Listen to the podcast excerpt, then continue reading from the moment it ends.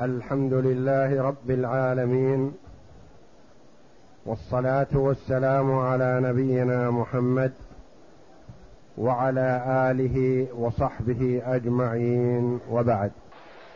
بسم الله الرحمن الرحيم.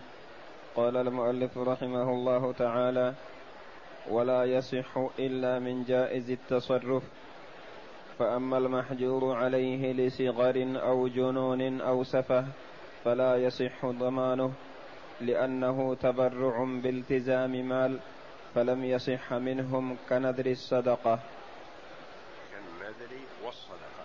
كالنذر والصدقة. كالنذر والصدقة. قول المؤلف رحمه الله تعالى فصل ولا يصح أي الضمان.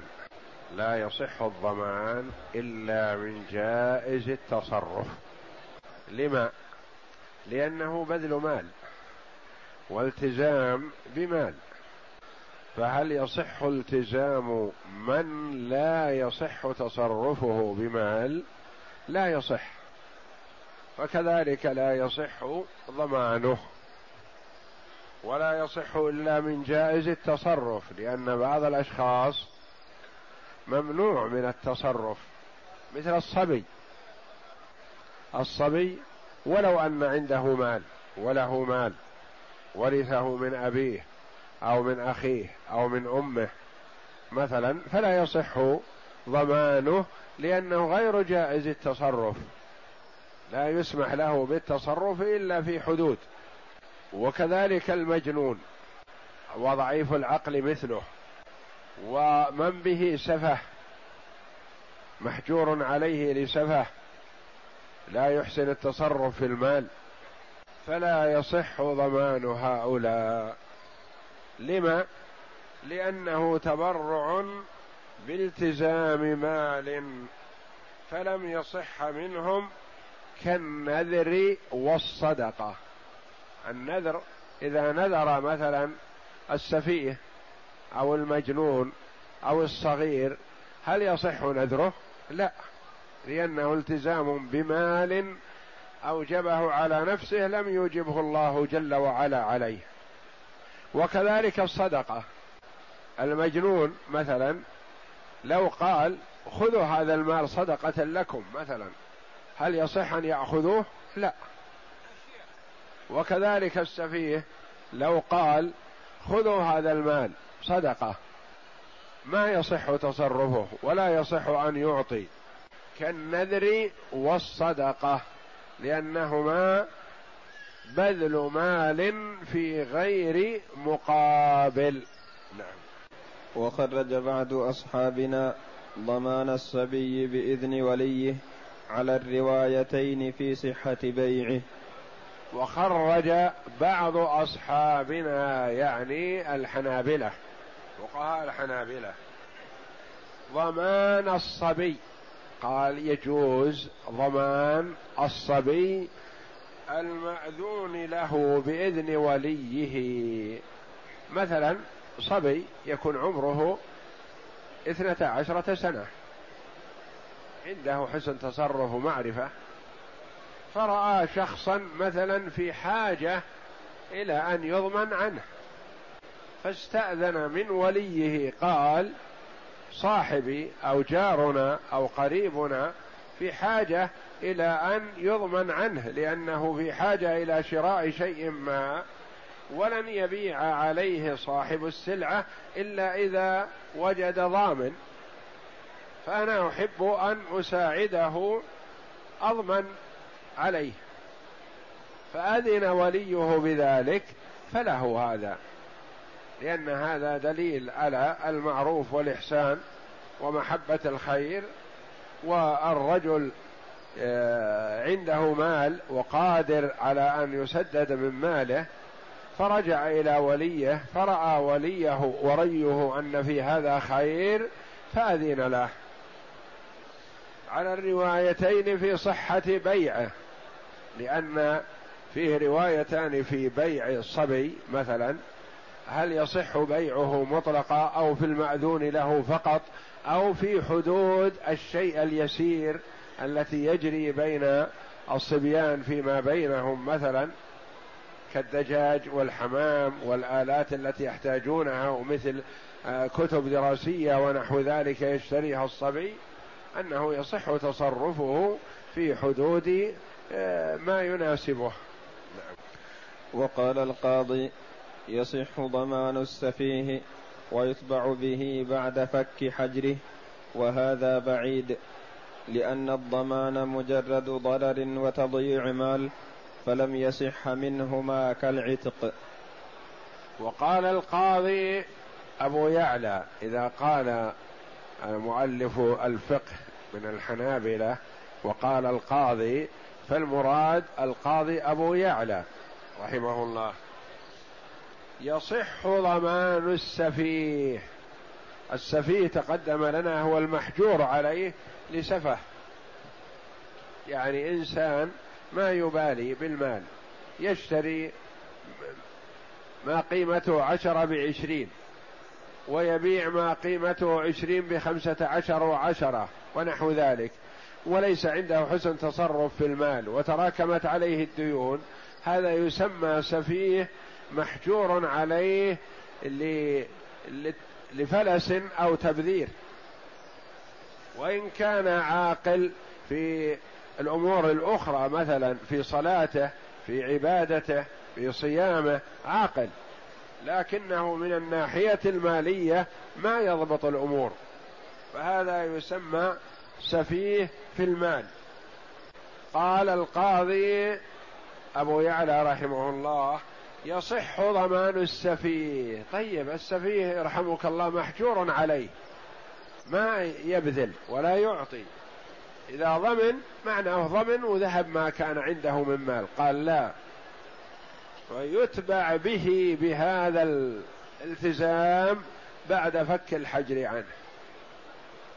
بعد فك الحجر عنه يلزم بما ضمنه. يقول المؤلف رحمه الله وهذا بعيد لأن ما هي فائدة الحجر؟ لأجل منعه من التصرف في المال. فكيف نأذن له ونقول اجمع؟ سنفك الحجر عنه مثلا يمكن بعد سنة أو سنتين. نقول التزم بالأشياء وإذا فك الحجر عنك حينئذ تلزم بالتسديد. الآن هو عاجز ولا يستطيع ولا يحسن التصرف. فنقول استدن على السنوات المقبلة بعد نزيد الطين بالله لا. وهذا بعيد لأن الضمان مجرد ضرر. ما في مصلحة للضامن. المصلحة للمضمون له والمضمون عنه. وأما هذا جاء على سبيل التبرع. والتبرع ضرر عليه. وليست المسألة مسألة اكتساب أجر. لا. حفظ مال. مجرد ضرر وتضييع مال لأنه سيسلم مبلغ من المال فلم يصح منهما كالعتق. من هما؟ الصبي والسفيه. نعم. ولا يصح ضمان العبد والمكاتب بغير إذن سيدهما لأنه التزام مال. فلم يصح منهما بغير إذن كالنكاح ويصح بإذنه لأن المنع لحقه فزال بإذنه. ولا يصح ضمان العبد والمكاتب. العبد الرقيق الذي أعطاه سيده مثلا ألف ريال أو أقل أو أكثر وقال اشتغل به. العبد هذا هو والمال الذي بين يديه ملك لمن هل يملك أن يتصدق ويتبرع؟ لا هو مملوك نفسه فلا يصح ضمانه. المكاتب من هو؟ المكاتب الذي كاتب سيده على مبلغ من المال. على أن يسدد هذا المبلغ فإذا سدده عتق. والله جل وعلا يقول وكاتبوهم إن علمتم فيهم خيرا. فيحسن بالسيد إذا رأى أن العبد إذا كتب نشط على العمل والكسب والحركة والبيع والشراء فيستحب له أن يكاتبه. وإذا رأى أنه إن كتب سينام ويترك العمل ويقول هو حر الآن ما يلزم سيده بالعمل ويقول إذا حل القسط مثلا آتي زيد وأسأله وآتي عمرو وأسأله وأجمع القسط وسدد. هذا ما يحسن مكاتبته لأنه لا مصلحة له في العتق إلا الخمول والكسل. بخلاف من إذا تشوف إلى العتق اجتهد في العمل والكسب فيحسن بالسيد أن يكاتبه. يقول مثلا أعتقك على ألف ريال تسلمني في كل شهر مئة ريال أو أقل أو أكثر يعني المهم التقسيط. فالرقيق هذا يفرح بهذا ويكتسب ويعمل ويجتهد. وش لأجل؟ لأجل يعتق نفسه. فهذا هو المكاتب. هل يسوغ للمكاتب والرقيق أن يضمن؟ لا. لأنهما إذا ضمنا فعلى حساب من؟ حساب غيرهما على حساب السيد. فنقول لا تضمن إلا بإذن سيدك. يقولون المكاتب ماله. نقول المكاتب ماله لكن هو قن ما بقي عليه درهم. ما يعتق. قد يجوز إنه يكاتب مثلا ثم يترك العمل والكسب ويتبرع بما بين يديه من مال ونحو ذلك. فما يقر على هذا. لأنه التزام مال فلم يصح منهما بغير إذن. إذن من؟ إذن سيده. كالنكاح كذلك لأن النكاح فيه بذل مال فما يصح أن يتزوج إلا بإذن من سيده. ويصح بإذنه إذا أذن السيد للرقيق أو للمكاتب أن يضمن صح. يأتي السي الرقيق مثلا أو المكاتب ويقول يا سيدي إن جاري في الدكان يبيع ويشتري وهو ثقة وأمين وأهل البضاعة أبوا أن يبيعوا عليه إلا بضمان لأنه غير معروف لديهم وأحب أن أضمن عليه مع العلم أنه ممكن أن يسدد بسهولة لكن من باب مساعدته. فيقول السيد لرقيقه أو لمكاتبه لا بأس اضمنه ما دام أنك تحسن به الظن وتعرفه بالعدالة والاستقامة وتحب أن تشجعه على العمل فاضمن عليه. فيضمن بإذن سيده لا بأس. ويؤديه المكاتب مما في يده. وهل يت... إذا ضمن الرقيق منين يؤدي؟ مما معه لسيده ويؤديه المكاتب كذلك مما في يده من كسبه. فلا يقول لسيده أنت أذنت لي أعطني من مالك أسدد الضمان الذي التزمت به. لا يؤديه من كسبه هو فيكون النقص عليه في أقساطه.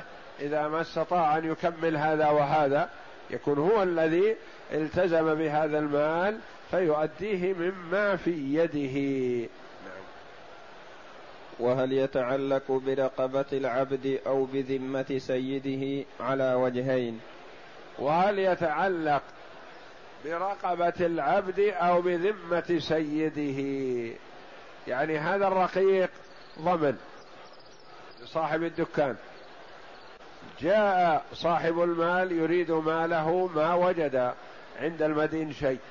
التفت إلى العبد وقال أعطني أنت التزمت لي ضمنت لي ما عند فلان وعند فلان لي مئة ألف ريال. ادفعها.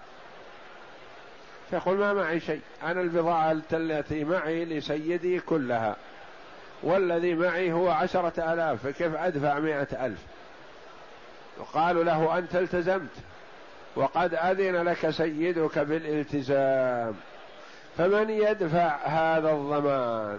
هل يقال يباع العبد مثل جناية العبد يباع ويسدد هذا الضمان؟ أم يقال هو هذا المبلغ في ذمة السيد يلزمه تسديده؟ لما؟ لأنه أذن لرقيقه بالضمان. على وجهين هل يكون في ذمة السيد أو في رقبة العبد. نعم. فصل. ويصح ضمان دين الميت المفلس وغيره لحديث أبي قتادة رضي الله عنه. ولا ولا ويصح ضمان دين الميت المفلس.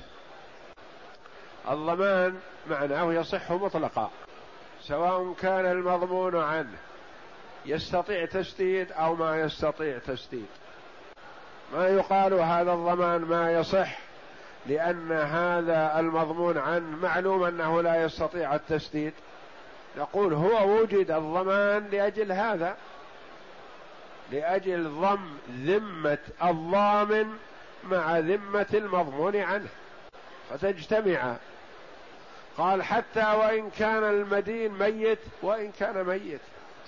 حتى وإن كان ميت ومفلس حتى وإن كان ميت ومفلس. لأن الرجل ما ضمن إلا وقد احتسب السداد. قد يقول قائل ما يصح ضمان الدين على ميت مفلس؟ لأن هذا عبارة التزام بهذا المال. نقول نعم وهذا هو الغرض. هذا هو الغرض. فأبو قتادة رضي الله عنه التزم بدين على ميت. وهذا الميت مفلس ما ترك سداد. سأل عنه النبي صلى الله عليه وسلم هل ترك سداد؟ قال ما عنده شيء. ميت ولا عنده شيء. فهل يصح ضمان الدين الذي عليه؟ نعم لأن مبناه على الإحسان. ومبناه على الرفق. ومبناه على فعل الجميل احتسابا. فيصح ضمان دين على ميت مفلس يعني وإن كان ميؤوس من سداد المدين. ولا يعتبر رضا المضمون له ولا المضمون عنه للخبر. ولا يعتبر رضا المضمون له. أبو قتادة رضي الله عنه التزم بالدينارين. ولم يقل النبي صلى الله عليه وسلم اسألوا صاحب الدينارين. هل يرضى بضمان أبي قتادة؟ لا. ما يعتبر رضاه. ولا يقال ما يصح الضمان إلا بموافقة المضمون له. كذلك لا يلزم رضا المضمون عنه. لا يلزم رضا المضمون عنه. إيضاح هذا كان يكون صاحب الدكان مثلا له مئة ريال على هذا الرجل ورجل غير موجود الآن. فيقول صاحب الدكان بمحضر خمسة أو ستة أنا الآن ذاهب للولاية لأشتكي صاحب هذا البيت. عنده لي مئة ريال من فترة كذا ما سدد. أنا أستدعي عليه الحكومة أطلب شرطي يأخذه. فقال أحد الخمسة يا أخي أنا أعرف أو ما أعرف صاحب هذا البيت لكن هذا رجل صالح يصلي معنا وهو أعرف أنه فقير لكن حقك الذي عنده عندي. صح الضمان هنا. اعتبرنا رضا المضمون عنه؟ لا. ما قلنا نسأله. هل ترضى أن فلان يضمن الحق الذي عليك؟ لا لأن هذا إحسان. فلا يعتبر رضا المضمون عنه. كذلك لا يعتبر رضا المضمون له. لا يعتبر رضا الطرفين. وهذا واضح في حديث أبي قتادة رضي الله عنه لما التزم وما سئل المضمون له هل يرضى بضمان أبي قتادة؟ ولا يعتبر ولا يعتبر رضا المضمون له ولا المضمون عنه للخبر ولا معرفة الضامن لهما لأنه لا يعتبر رضاهما. ولا يعتبر ولا معرفة الضامن لهما لأنه لا يعتبر رضاهما. لا يعتبر معرفة الضامن لهما. فأبو قتادة رضي الله عنه هل يعرف هذا الميت؟ ما ندري. محتمل أنه يعرفه ومحتمل أنه لا يعرفه. فهو ضمن عليه إحسانا واحتسابا ولأجل الا يحرم هذا الميت من صلاة النبي صلى الله عليه وسلم عليه. فأراد أن يعمل خيرا لوجه الله لا لأحد يعرفه. وقد لا يكون وقد يكون أبو قتادة لا يعرف هذا الميت من هو إلا أنه أحد أفراد المسلمين. وربما لا يعرف أهو من المهاجرين أم من الأنصار ما يدري. الجنازة قدمت وأبى النبي صلى الله عليه وسلم أن يصلي عليه من أجل الدين فقال أبو قتادة أنا أسدد. لأجل لا يحرم هذا المسلم من صلاة النبي صلى الله عليه وسلم عليه. من هذا الميت يا أبا قتادة؟ قال ما أدري. هذا مسلم من المسلمين.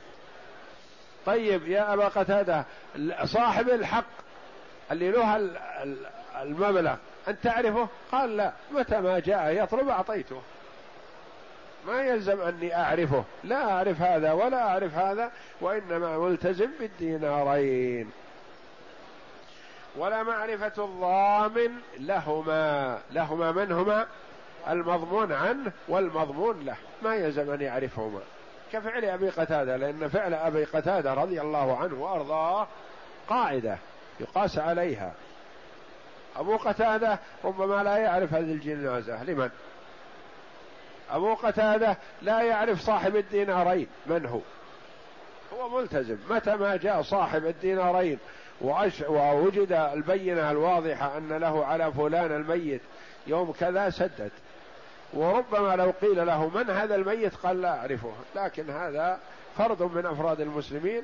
فأنا سارعت بالضمان لئلا يحرم من دعوة النبي صلى الله عليه وسلم له في صلاته عليه. فأنا بذلت من مالي لأجل هذا الغرض. لأنه لا يعتبر رضاهما فأشبه الأجانب. يعني ما يعتبر رضاهما فأشبه غير الضام المضمون له والمضمون عنه. يعني مثل غيرهم. ما يلزم أن يعرفهم لأنه ملتزم متى ما جاء صاحب الحق وأثبت حقه أنه يسدد. نعم. ولأن النبي صلى الله عليه وسلم لم يسأل أبا قتادة رضي الله عنه عن معرفتهما. ما قال النبي صلى الله عليه وسلم لأبي قتادة؟ هل تعرف هذا الميت من هو؟ هذا الذي التزمت عنه بالدراهم؟ لا ما يلزم. ولا قال النبي صلى الله عليه وسلم هل تعرف صاحب الدينارين؟ لا. ما سأله فدل على أن معرفته وعدم معرفته سواء. نعم. ويحتمل أن تعتبر معرفتهما ليؤدي إلى أحدهما ويرجع على الآخر بما غرم عنه.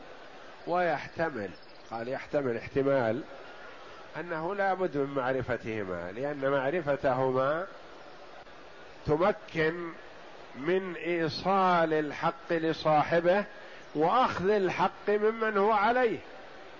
لكن هذا الضامن ما هو مبالي بهذا ولا هذا. الرجل الذي ياتيه طالبه يسدد والرجل الذي هو الحق عليه إن عرفه وإلا هو متبرع لكن معرفتهما حسنة لأجل أن يسدد الحق للمطالب ويطالب من عليه الحق بحقه. ربما يكون المال كبير فإذا تركه يكون من تضييع المال. أما إذا كانت المسألة يسيرة فيقول جاء ولا ما جاء كل واحد. لكن ربما يكون الضمان مثلا بمليون ريال. فجاءه صاحب المليون وطالبه فدفعه. ثم التفت. من هو الذي عليه الحق؟ ما يدري. من يطالب؟ ما يدري. فيقال إذا كان المبلغ ذا مال ذا بال مبلغ كبير فيحسن معرفتهما. وإن كان المبلغ ليس ذا بال فلا بأس في عدم المعرفة. نعم. ويحتمل أن تعتبر معرفة المضمون له ليؤدي إليه. ويحتمل أن تعتبر معرفة المضمون له. يقال لمن التزمت قال ما أدري. قلت كيف سدد؟ قال ممكن نتعرف عليه. قال يحتمل أنه يلزم معرفة المضمون له حتى يعطيه الحق. ولا تعتبر معرفة المضمون عنه لعدم المعاملة بينه وبينه. لأنه لن يطالبه ولن يبحث عنه ولن يعطيه شيء إلا إن أراد أن يطالب بالحق. يعني مثل أبا قتادة رضي الله عنه ما كان ينوي أن يطالب أحدا بالدينارين. نعم. ولا يصح إلا برضا الضامن لأنه التزام مال فلم يصح من غير رضا الملتزم كالنذر. ولا يصح النذر إلا برضا الضامن. إذا لم يرضى هل يصح؟ لا.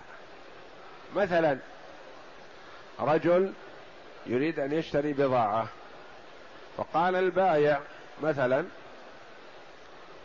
أنا ما أعرفك من يضمن حقي؟ قال جاري صاحب الدكان هذا يضمن. قال خذ ما أردت ما دام هذاك يضمن أنا أعطيك اللي تريد. فأعطاه بضاعة بمليون ريال. ثم جاء صاحب البضاعة لمن باع عليه ما وجده فذهب ليطالب الضامن فقال أنا بعت على جارك بضاعة بمليون ريال وقلت له من يضمن حقي؟ قال جاري أشار إليك فأنت سلم المبلغ. هل يسوغ له؟ يقول لا يا أخي أنا ما ضمنت. قال هو قال لي إنك تضمن عنه. قال اذهب له وطالبه. وطالبه بالإثبات إني أضمن عنه. ما أضمن عنه. أنا أعرف هذا يأخذ أموال الناس ويضيعها. لكن هو تلاعب بك. هل يلزم هذا الضامن بالدفع؟ وإن لم يلتزم أولا؟ لا. أو الرجل مثلا يضمن عني جاري أو يضمن عني أخوي أو يضمن عني أبوي مثلا يحصل هذا كثير. إذا أراد أن يبيع على شخص ما مثلا قال يا أخي من يضمن الحق عندك؟ قال يضمنه أبي يضمنه أخي يضمنه جاري. الزوجة تقول يضمنه زوجي. هل يصح هذا؟ لا لا بد من رضا الضامن وإقراره بذلك. والله أعلم. وصلى الله وسلم وبارك على عبده ورسول نبينا محمد وعلى آله وصحبه أجمعين.